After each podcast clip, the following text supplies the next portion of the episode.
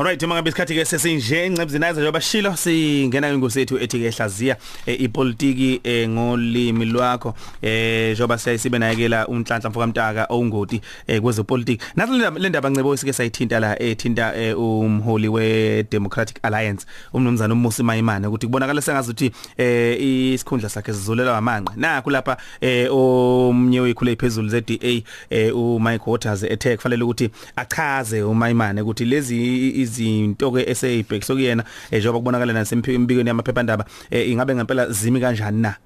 Nakube ihlangula yena.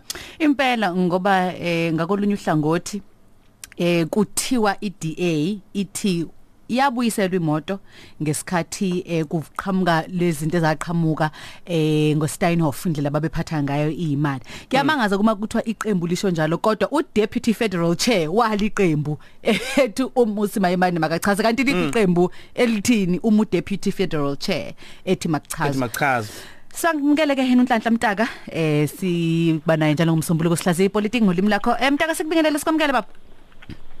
Abendove namandla.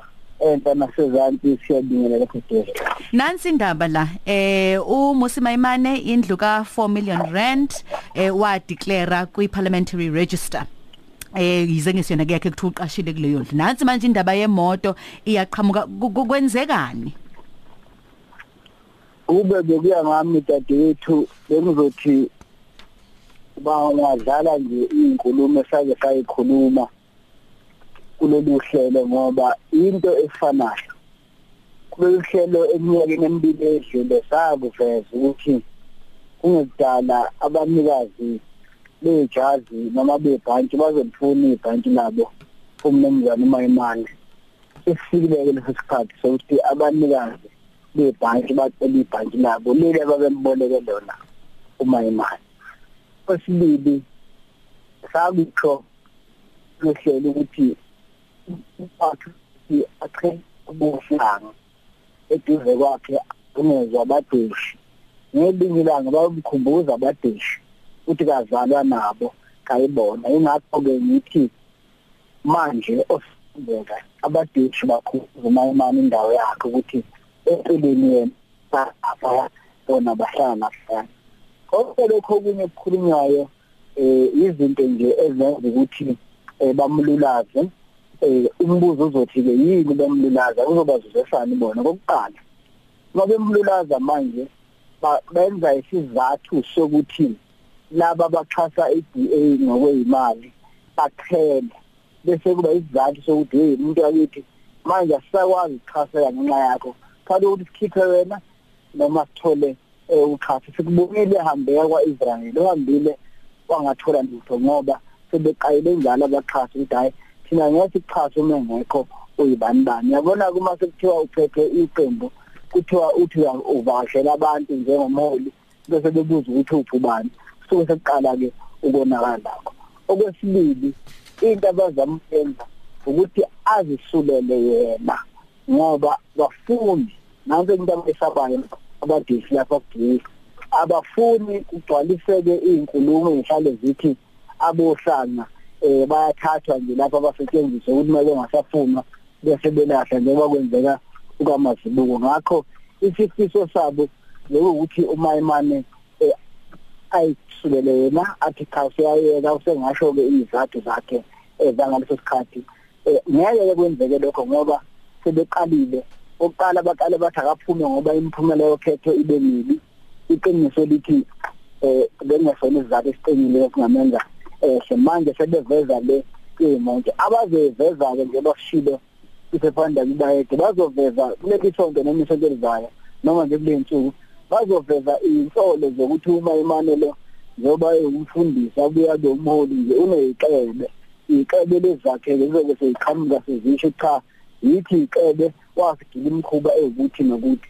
Uyabona kuba umholi weqembu kukhanga udaba leqebe ngalesikhathi ize libabaza ukuhlunyezwa kwabantu besifazane usephandle kumayimani okwesibili uma uvela udaba libe ixebe eh ukusho ukuthi sekungena emndenini wakhe ngamafuphi kungenzeka ayiyekele yena noma aqhubeka athi hayi eh sekuyo usebona phambili. Kodwa indawo yokugcina abayifihlile ile ixebe abakholwa ukuthi ngayo bazoshayena bashaye nasemndenini. Kodwa nakho ke dadewethu kufuneke abalaleli bokhozi bakuqaphele angithi uyabona ukuthi lento kade yazi yakade ayishayela imoto mayimane kade bazi abadisi kade bazi nabe indaba. Mm. sikhombisa kona ukuthi beyindaba eningizimu Afrika abanye babo babika izinto ngokuchema ngoba lento kamayimane ayintsha bayikhuluma kodwa bayivezanga beyindaba kodwa sekuthe ngoba asuka abadishi sebeyayiveza indaba kamayimane ngoba udaba lekamayimane luqala ukuvela eh, emva kokuthi leli vele kubeke libe selivele ephephandabeni lesibhunu ubusubona kahle abadishi le sebeyayiphaka impi yabo yabe indaba. Abe indaba ke bayeke bakithi sashe bamanje. Asisho ukuthi mayimane ulungile singasho nokuthi abanye abaholi balungile. Kodwa sithi bikani phela ngoba uyikho ngoba zonke le indaba maningi lale niyazazi.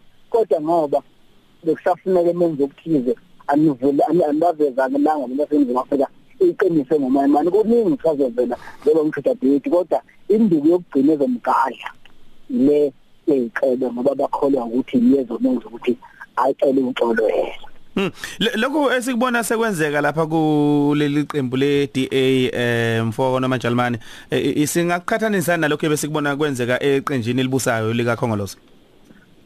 oqala asingasho ukuthi lokho sekwenzeka kade kwenzeka kwani ngisho lokho khona lokho ukuthi abe indaba eh bebe- beyifukamela iDA bengavezi. Baningi amanyalo enzeka lapha abakithi Ab- abo- abohlanga banenkinga bayibikayo zingathathwa ziye phambili. Ziningi into ezenzeka lapha. Ukuthi usuwazi nje manje wena ngoba Mm. abe indaba sebeyathanda ukuthi wazi.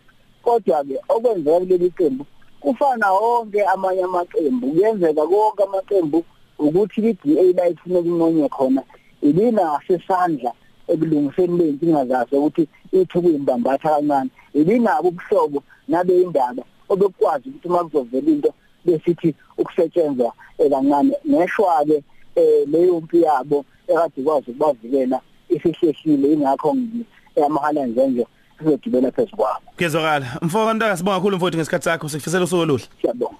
Eh unhlanhla ke lo mfoka Mtaka eh, ongungoti wezepolitiki ungamthola ke lapha ku Twitter @nhlanhla Mtaka eh kanti ke na ku Facebook eh ubheke nje ke ikhasi bayede news.